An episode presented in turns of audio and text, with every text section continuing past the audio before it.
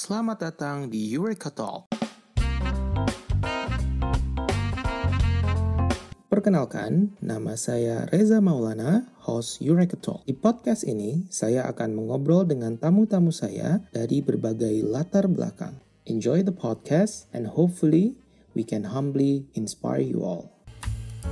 Dita Sukma Akbar Hakim adalah seorang pegiat usaha kopi. Dia memiliki sebuah kedai kopi bernama Datum. Hari ini kami akan mengobrol mengenai perkenalannya dengan dunia usaha kopi dan sudut pandangnya mengenai industri kopi di Indonesia. Selamat menyimak.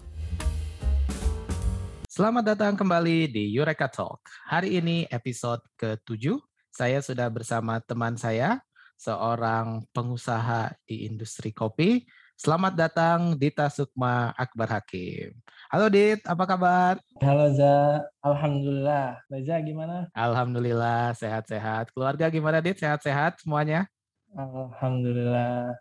Oke, makasih Dit atas waktunya. Hatur nuhun pisan sudah menyempatkan datang ke Eurocatalk. So, teman-teman, hari ini uh, kami akan mengobrol sedikit soal eh, hal-hal uh, yang berhubungan dengan uh, minuman yang lagi in nih ya hari-hari ini, kopi gitu. Jadi karena kebetulan Dita juga berkecimpung di uh, industri tersebut, kita akan ngobrol-ngobrol sedikit perspektifnya Dita soal industri kopi. Nah, Dit, sebelum ngobrol ke sana, Uh, ceritain dong, Dit, uh, gimana awalnya bisa bersinggungan dengan dunia kopi gitu? Apakah dari kecil memang suka minum kopi atau kayak gimana? Dulu pas kerja ya di di Jakarta kurang hmm. lebih sekitar eh, tujuh tahun lalu lah. Nah pulang kantor tuh uh, dulu sering nongkrong gitu awalnya. Okay sama temen gitu diajakin temen sih awalnya gitu. Nah makin ke sini nongkrongnya itu lebih ke warung-warung kopi gitu kepada hmm. kedai-kedai kopi baik yang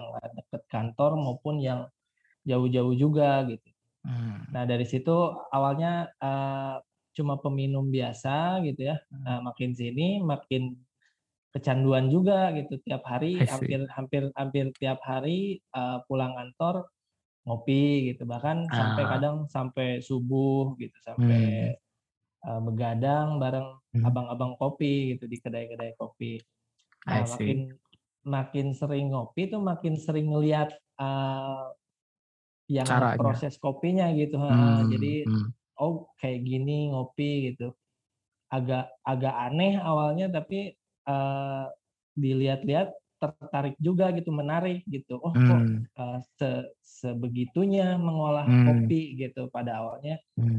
kurang lebih seperti itu dan ternyata hmm. uh, adik saya yang hmm. yang uh, kuliah di Jawa dia juga ternyata memang uh, senang juga ngopi gitu oh, dan bahkan sudah sudah lebih jauh uh, hmm. pengetahuannya lah tentang kopi dibanding dengan uh, saya gitu jadi hmm. uh, pas ketemu di rumah ternyata ngobrol-ngobrol wah ternyata seru juga gitu satu hmm. satu frekuensi dalam uh, satu waktu uh. yang sama kita hmm. lagi seneng bidang yang sama juga gitu oh. dari situ mungkin uh, lebih banyak ketertarikan lebih sering ngobrol lebih sering hmm. memperdalam nyari informasi lah kalau lebih hmm. kayak gitulah nah dit uh, tadi soal ngopi-ngopi habis ngantor gitu sejak awal ngopinya kopi hitam gitu atau kopi yang uh, saset atau kayak gimana? Nah, pas awal-awal sih masih masih seneng kopi yang dicampur-campur kayak susu hmm. gitu ya, yang hmm. yang latte, kemudian hmm. uh, cappuccino, cappuccino dan hmm. lain-lain hmm. lah gitu ya, hmm. yang espresso base dan campur susu gitu. Hmm. Nah, tapi makin sini kebetulan uh, di dekat kosan dulu ada uh, sebuah kedai kopi yang memang uh, dia main di uh, specialty kopi lebih banyak hmm. di manual brew gitu. Hmm. Nah, yang pas nyoba gitu ya, nyoba loh kok kopi enak gitu tanpa dikasih apa-apa, ternyata punya rasa yang uh, unik lah dari ya, selama ya, ini ya. kita uh, taunya kopi ya seperti itulah disobek hmm. kemudian selalu ada rasa manis dari gula hmm. gitu. Hmm. Ternyata kopi itu enak gitu tanpa gula juga gitu. I see, mantap mantap. Nah, kemudian tadi perjalanan dari uh, suka nongkrong, kemudian mulai ngelihat wah ternyata kopi teh rasanya uh, macem-macem gitu ya, ke kopi yang hitam aja. Terus kapan nih Dit mulai uh, memutuskan bahwa wah kayaknya saya juga mesti ngikut nih uh, berkecimpung di dunia industri kopi gitu atau di dunia kedai kopi? Uh, sebenarnya dulu kan ada keresahan ya pada saat hmm. kerja ya. Hmm. Uh, ada perasaan selalu ingin pulang gitu ke, ke oh, kampung gitu ya, ke homesick gitu ya. Uh, uh, uh. Kemudian apa gitu pada saat pulang itu kira-kira mau ngapain gitu kan? Oke. Okay. Uh, kita mau mau mau mau bikin apa kan tetap harus harus punya pemasukan gitu ya. Mm -hmm. Nah dari situ uh, entah memang saya yang kurang update atau seperti apa, ternyata di Tasik juga gelombang uh, industri kopi lagi lumayan naik gitu seiring mm -hmm. dengan gencarnya uh, edukasi dari para komunitas kopi mm. yang ada di uh, penggiat kopi yang ada di Tasik gitu. Mm. Sehingga saya saya ngelihat uh, ada peluang di situ gitu wah kayaknya kalau misalnya kita coba ikutan main di hmm. uh, industri kopi ini kayaknya sudah tidak terlalu sulit untuk hmm. uh, mengedukasi ataupun memasarkan uh, produk tentang kopi yang benar-benar hmm. kopi gitu bukan hmm. hanya kopi saset gitu ya. Hmm.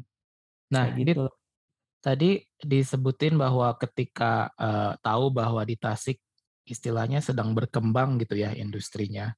Berarti kan di satu sisi juga eh, orang-orang juga banyak yang mulai ikutan main gitu.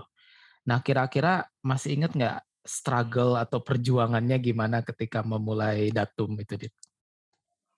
Uh, jadi datum memang awalnya cuman berangkat dari halaman rumah ya sama okay. Ade tadi sama Ade kita uh, banyak ngobrol, kita banyak diskusi gimana mau mau kayak gimana uh, produk apa yang mau kita uh, jual ataupun seperti apa operasional dan lain-lain gitu. Uh-huh. Nah, kita memang kendalanya saat itu tidak punya lahan, uh-huh. kemudian juga uh, peralatan juga yang sangat minim gitu karena kita masih masih mengandalkan alat-alat yang manual ya. Okay. Jadi dulu, dulu saat kerja saya sempat uh, ya berinvestasi lah di alat-alat kopi tapi yang memang masih manual gitu. Sehingga secara produk yang dihasilkan pun uh, belum bisa banyak ataupun sevariatif seperti sekarang. Oke. Okay. Jadi dulu uh, masih ingat cuma cuma punya enam lah enam mm -hmm. menu mm -hmm. awalnya yang ya alhamdulillah sampai sekarang sih bisa berkembang jadi jadi hmm. banyak gitu ya menunya. Gitu. Hmm. Jadi kurang lebih kendalanya dulu hmm. tempat sama mungkin uh, peralatan lah kurang lebih itu. Nah terus untuk ngakalin kedua hal itu eh, langkah-langkah yang dilakukan apa aja dit? Terus berapa lama sampai bisa dibilang stabil lah gitu sebelum covid nih ya?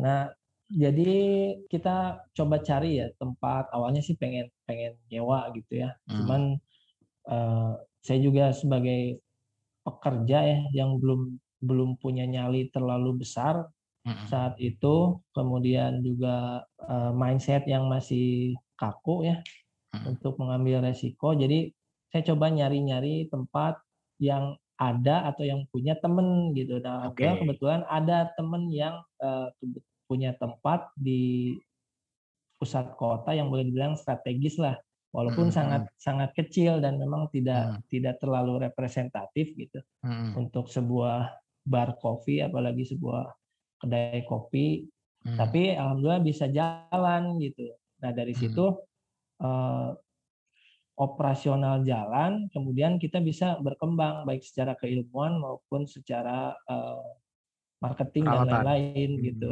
peralatan. Hmm. Jadi ada keuntungan kita investasikan lagi ke peralatan. Oke. Okay. gitu. Sip. Nah, uh, berarti kan sempat uh, di track yang benar nih beberapa saat, hmm. tapi sayangnya kemudian 2020 semuanya berubah gitu, Dit. Ya, nah, benar. ketika awal uh, adanya pandemi itu gimana Dit menyikapi atau mungkin bisa cerita dulu situasi di Datum tuh sebelum COVID tuh seperti apa gitu? Mungkin sekitar seminggu dua minggu sebelum COVID tuh situasi Datum tuh seperti apa kalau bisa digambarkan? Terus ketika dep COVID-nya menyerang, kemudian apa nih yang terjadi gitu? Nah kita dulu sempat merasakan ya, uh, boleh dibilang uh, yang paling dirasakan apa ya istilahnya puncak lah mungkin buat buat datum saat itu mengalami perubahan yang cukup besar gitu baik dari segi kapasitas uh, produksi maupun uh, saat itu pengunjung juga lagi banyak-banyaknya lah simpelnya okay. kurang lebih kayak gitu di akhir tahun ya kita masih mm -hmm. ingat akhir tahun pada saat itu uh, sampai nggak ketampung ya di, di tempat kita saking banyaknya hmm. orang gitu. Hmm. Uh, juga karyawan juga udah lumayan banyak, ada kurang lebih empat ya saat itu. Yeah. Ya. Uh, yang awalnya cuman sendirian saya aja gitu. Hmm.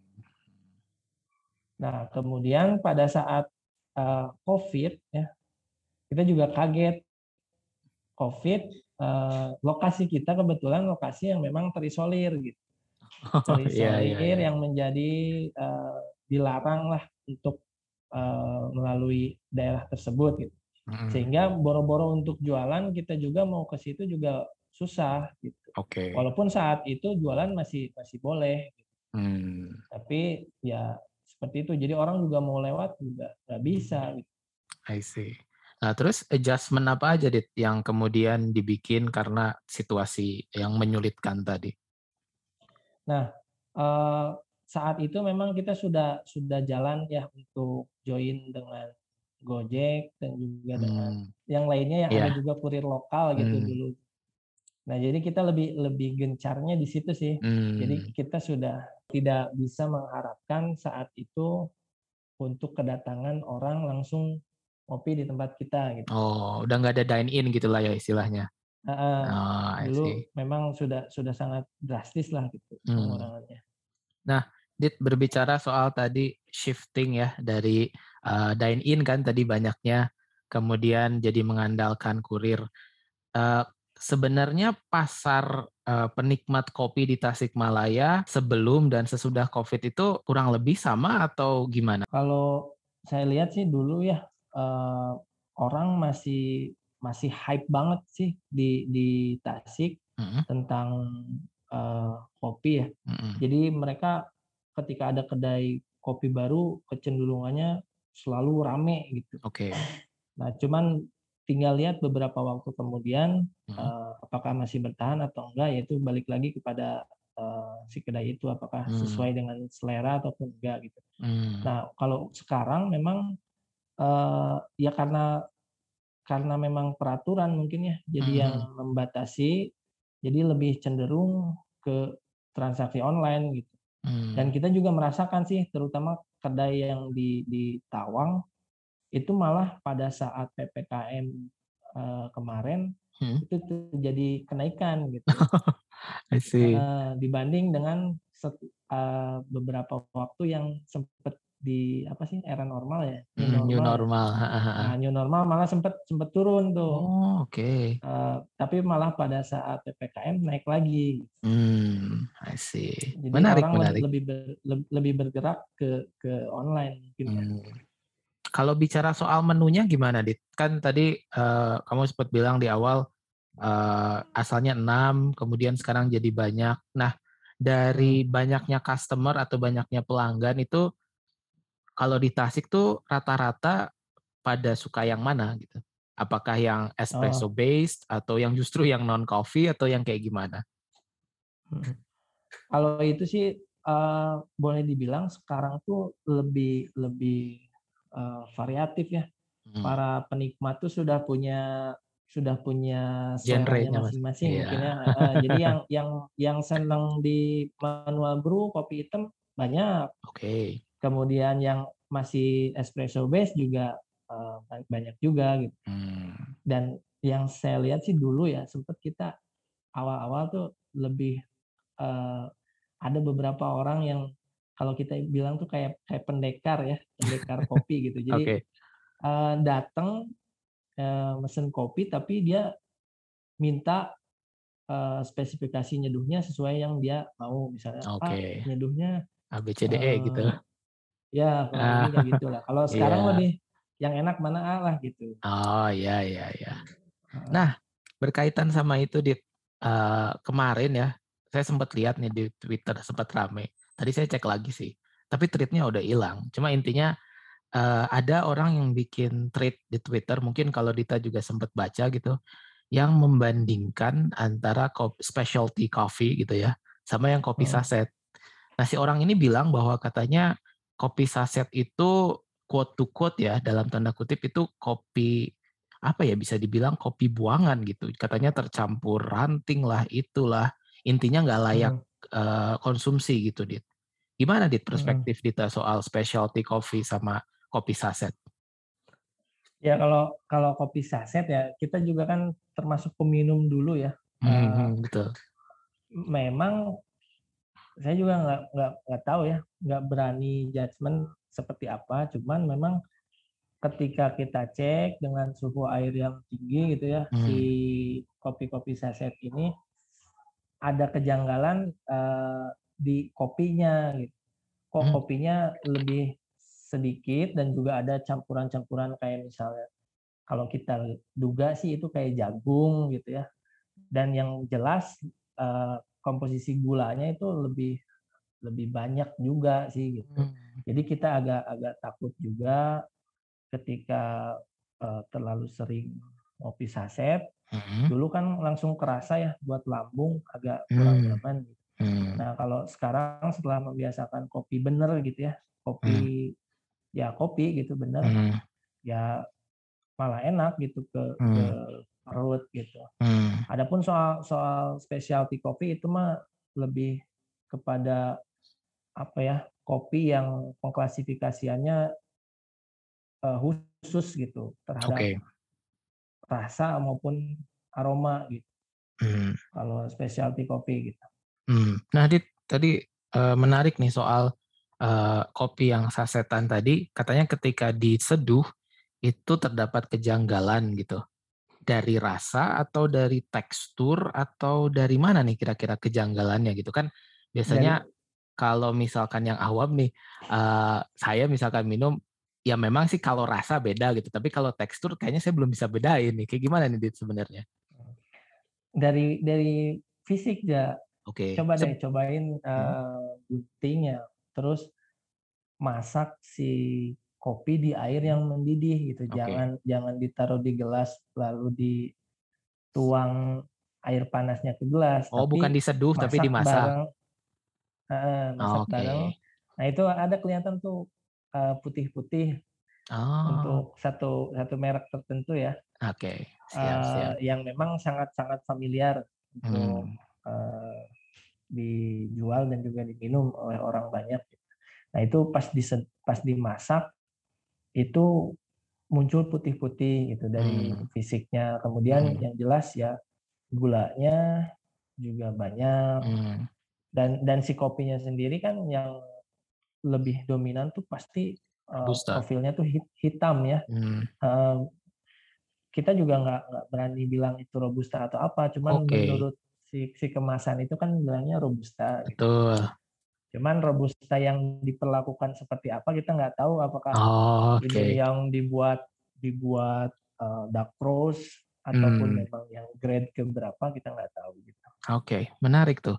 Kalau misalkan dibandingkan itu kita tadi ngobrol yang skala besar ya kopi saset gitu. Tapi kan di pasaran juga ada kopi-kopi yang industri rumahan dan sudah melegenda gitu kan. Mungkin kita juga tahu lah beberapa dari kota-kota tertentu gitu. Nah kalau yang itu gimana, Dit? Pernah ada pengalaman nggak ketika misalkan dikasih treatment yang sama, apakah profilnya sama atau justru ini lebih baik gitu?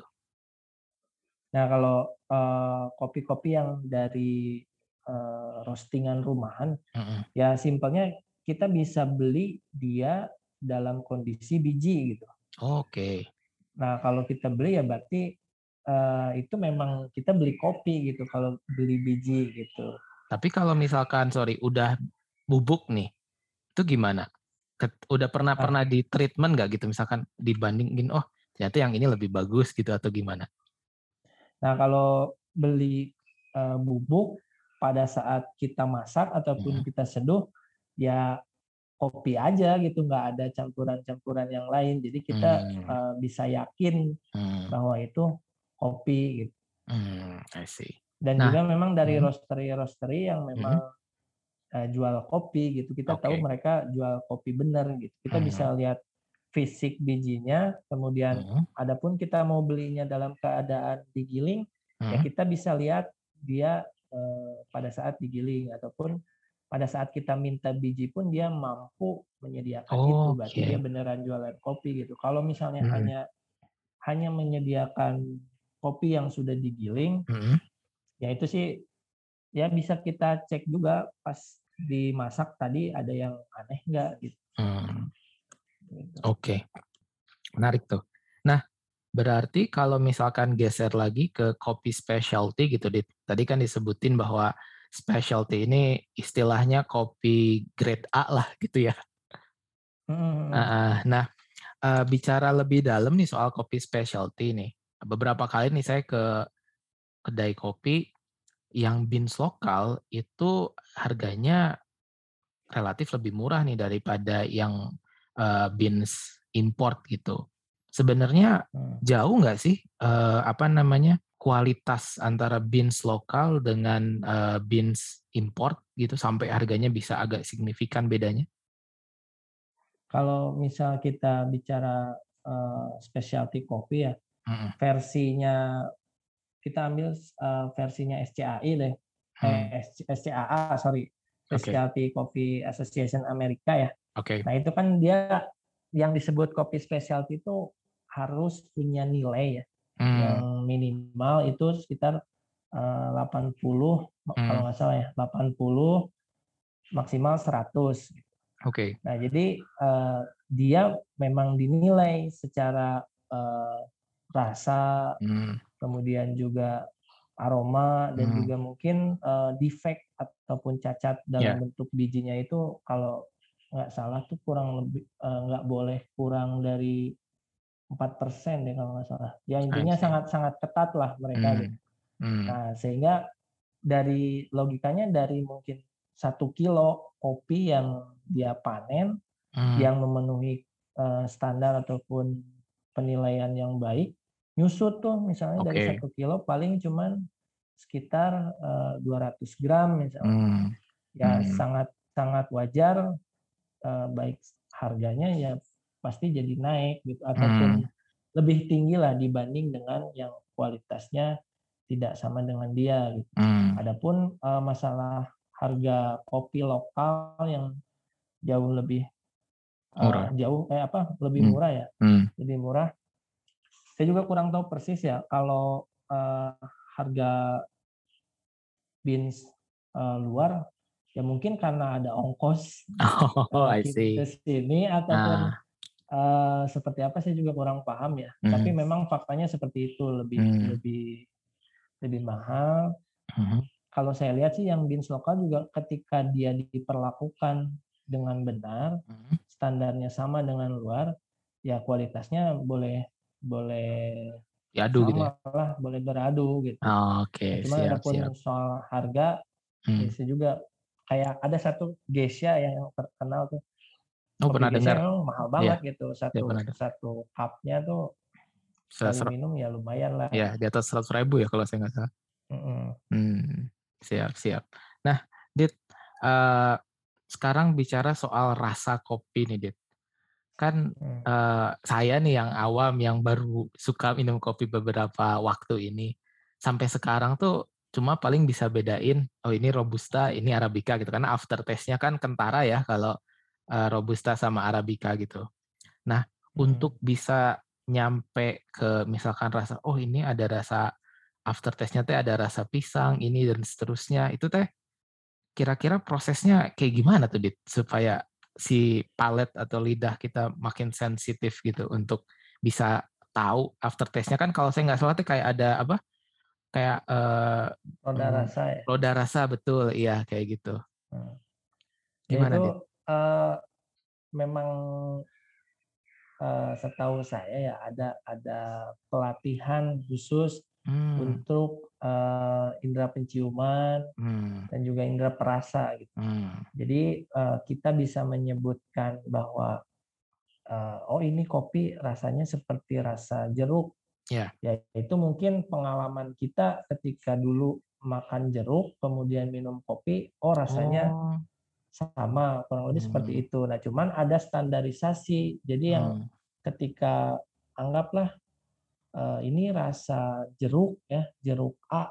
Hmm. Nah, jeruk itu harus asamnya itu kurang lebih seperti apa, kemudian okay. uh, eh, rasa kecutnya ada di mana gitu. Hmm. Nah, itu ada ada ada indikatornya gitu. Hmm. Hmm. Dan memang memang untuk uh, ke situ ya ada ada pelatihannya lah kalau nggak salah ya ada ada sensori kalau nggak salah pelatihan hmm. sensori yang hmm. kayak gitu. Jadi kita bisa judgement oh ini uh, rasanya citrus misalnya. Yeah. Nah citrus itu yang seperti apa? Jadi kadang okay. mungkin mungkin saja yang Reja pahami rasa jeruk itu ya jeruk Bali gitu. Oh iya iya. Subjektif ya uh, yang saya uh. bilang jeruk itu ya jeruk limo misalnya.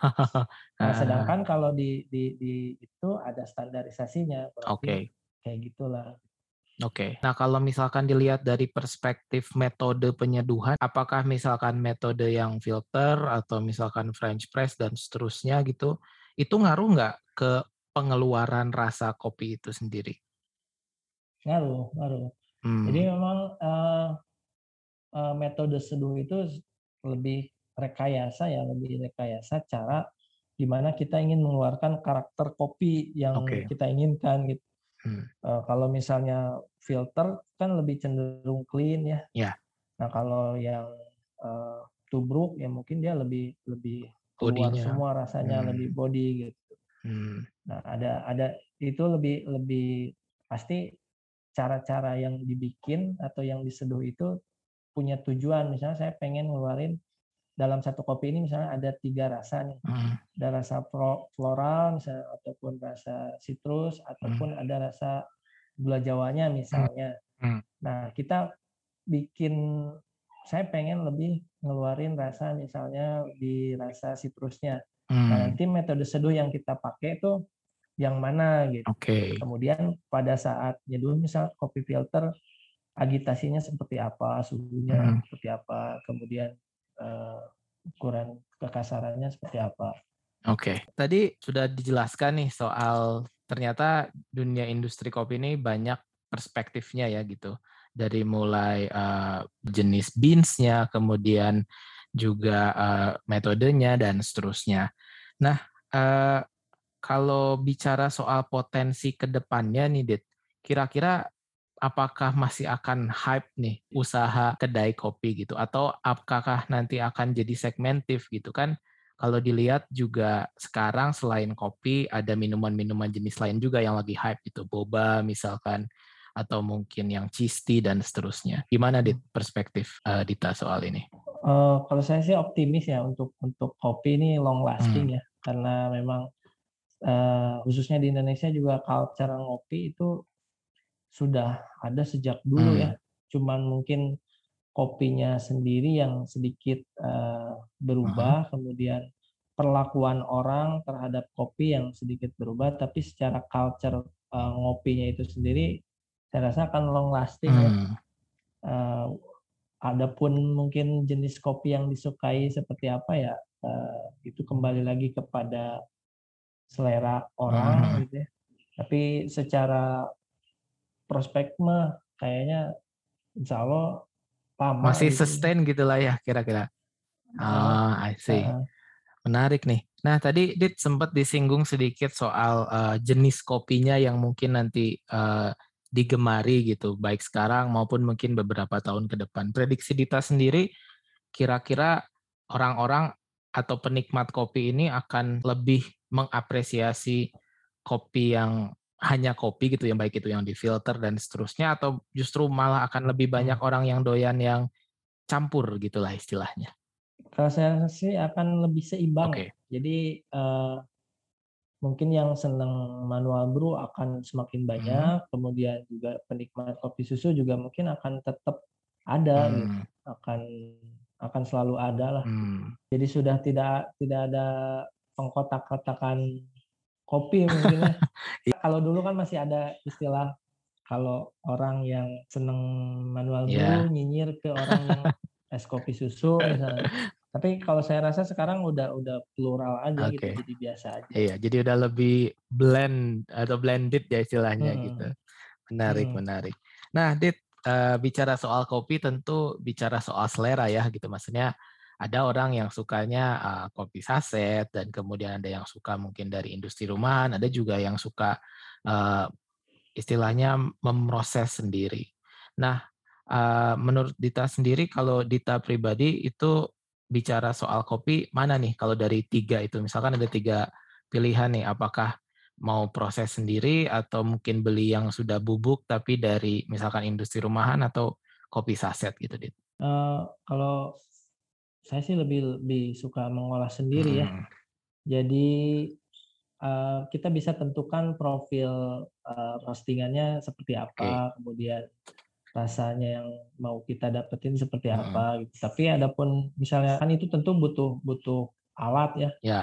Butuh alat dan juga butuh kemampuan dan juga pemahaman hmm. dalam mengolah kopi gitu. Hmm. Ya simpelnya kalau pengen simpel ya beli di roastery aja gitu. Beli di roastery hmm. yang memang uh, jual kopi bener gitu. Kalau kopi saset sih saya kurang kurang menyarankan ya tapi okay. kalau memang masih seneng ya hmm. monggo gitu iya kembali lagi gitu oke okay. menarik nih nah dit sekarang agak bergeser sedikit ini mungkin agak agak abstrak ya tapi semoga masih bisa diterima uh, dari perjalanan uh, mulai dari suka kopi sampai kemudian uh, memutuskan untuk membuka kedai gitu dit.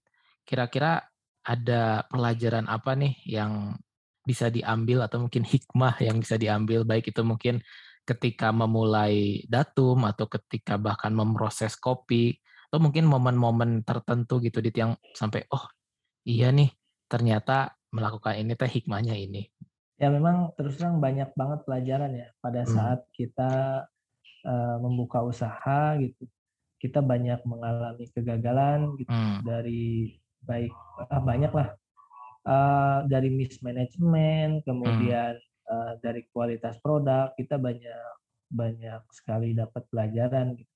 bahwa kalau dulu mungkin pada saat buka datum ya kita hanya modal uh, boleh dibilang modal pengetahuan yang minim hmm. kemudian baik secara produk maupun juga marketing dan lain-lain gitu ya karena hmm. latar belakang dan juga pengetahuan yang sangat minim sehingga ya lebih banyak uh, istilahnya learning by doing gitu. Oke, okay. oke. Okay. Kita banyak banyak uh, improvement yang memang jalan pada saat kita operasional gitu. hmm. tidak di tidak disetting dari awal hmm. tidak ditentukan dari awal mau seperti apa tapi lebih kepada mengalir aja hmm. Tapi serunya ya itu jadi belajar banyak hal hal-hal yang memang dulu nggak kepikiran pada saat kerja gitu. Mm-hmm. Contoh dekatnya misalnya ngelola ngelola orang lah ataupun mm. manajemen orang gitu. Mm. Ya kita tahunya dulu sebagai pekerja mungkin ya seperti itu ya hanya hanya bekerja di di bidang kita tapi ternyata mm. pada saat uh, terjun di usaha ya kita harus bisa bagaimana mengelola orang hmm. dan menjaga kualitas produk, membuat hmm. SOP, hmm. standarisasi hmm. dan lain-lain gitu. Hmm. Belum marketing, belum ya banyak sekali lah. Jadi multi multi dimensi lah untuk bisa membuat usaha bisa sustain gitu dan hmm. juga bertahan hmm. kondisi seperti ini. Gitu. I see, menarik menarik. Nah, Dit, untuk uh, menutup sesi ngobrol-ngobrol, uh, saya selalu nanya ini ke setiap tamu saya gitu. Walaupun sebenarnya ini kadang-kadang out of topic sih, cuma bisa lah masih sedikit-sedikit disambungkan gitu. Nah uh, di akhir uh, perbincangan saya suka nanya karena uh, tamu-tamu saya ini orang-orang hebat gitu ya sudah bisa membuktikan diri dengan ekspertisnya masing-masing. Tapi saya yakin bahwa untuk mencapai ke sana pasti dibutuhkan uh, banyak perjuangan. Salah satunya itu mungkin dengan melakukan kebiasaan-kebiasaan kecil yang diulang-ulang, baik akhirnya secara sadar atau tidak sadar ini membantu nih support gitu untuk posisi sekarang gitu, kesuksesan sekarang. Menurut Dita sendiri, kira-kira ada nggak hal-hal kecil yang baik Dita sadari atau tidak gitu, membantu uh, untuk ada di posisi sekarang? Uh, mungkin dari kalau saya apa ya mungkin lebih kepada evaluasi mungkin ya okay. lebih hmm. banyak muhasabah lah mungkin hmm. lebih banyak muhasabah sudah seperti apa gitu hmm. kemudian ya kalau saya bilangnya sih nyari nyari kesalahan dan juga hmm. nyari masalah hmm. yang supaya bisa kita cek biar ke depan nggak kejadian lagi lah Oke. Okay. kurang lebih seperti itu lebih banyak muhasabah sih mungkin ya hmm. uh, evaluasi untuk uh, menghindari terjadi kembali kurang lebih kayak gitu ya Dit. Hmm, hmm. Oke okay, mantap mantap boleh tuh keren. Oke okay. so uh, teman-teman semua itulah obrolan saya dengan Dita Sukma teman saya dan juga uh, pemilik dari Datum Kopi. Jadi buat teman-teman yang uh, tinggal di Tasikmalaya dan suka ngopi, mungkin uh, bisa nyoba produknya Datum. Mungkin Dit boleh diceritain uh, sedikit kira-kira Datum Kopi itu ada di mana aja, kemudian produk-produk yang jadi andalan tuh apa aja? Uh, untuk sekarang ya kita masih berada di dua lokasi. Yang pertama di Tawang ya, di Jalan Sukasenang nomor 18. Kemudian juga satu lagi di Mangkubumi ya. Nah, tapi memang hmm. saat ini secara outlet kita uh, lebih fokus untuk uh, menerima take away gitu. Jadi tidak okay. sudah tidak terlalu bisa menampung orang hmm. uh, datang kemudian hmm. nongkrong gitu, tapi lebih kepada take away. Untuk produknya hmm. sendiri ya kita ada uh, manual brew, kemudian ada beberapa uh, minuman kopi blend dengan susu gitu dan juga ada yang mm-hmm. non coffee juga sih. I see. Kalau Instagramnya apa dit? Mungkin teman-teman mau follow juga. Instagram uh, ada di @datumkopi ya. Alright, oke. Okay. Jadi teman-teman uh, itu tadi obrolan saya dengan uh, Dita Sukma, teman saya dan juga seorang penggiat uh, usaha kopi di Tasikmalaya. Uh, seperti teman-teman dengar tadi pemaparan Dita tentang kopi ternyata cukup kompleks ya dari banyak sisi. Terima kasih sekali lagi Dita untuk waktunya dan untuk uh, ngobrol-ngobrolnya. Sehat selalu hmm, dan sukses terus buat Datum Kopi. Semoga selalu sustain dan semakin berkembang. Oke, makasih juga Reja ya. Semoga Reja juga sehat. Ya. Amin, amin. Nuhun, Terima kasih. Assalamualaikum. Waalaikumsalam.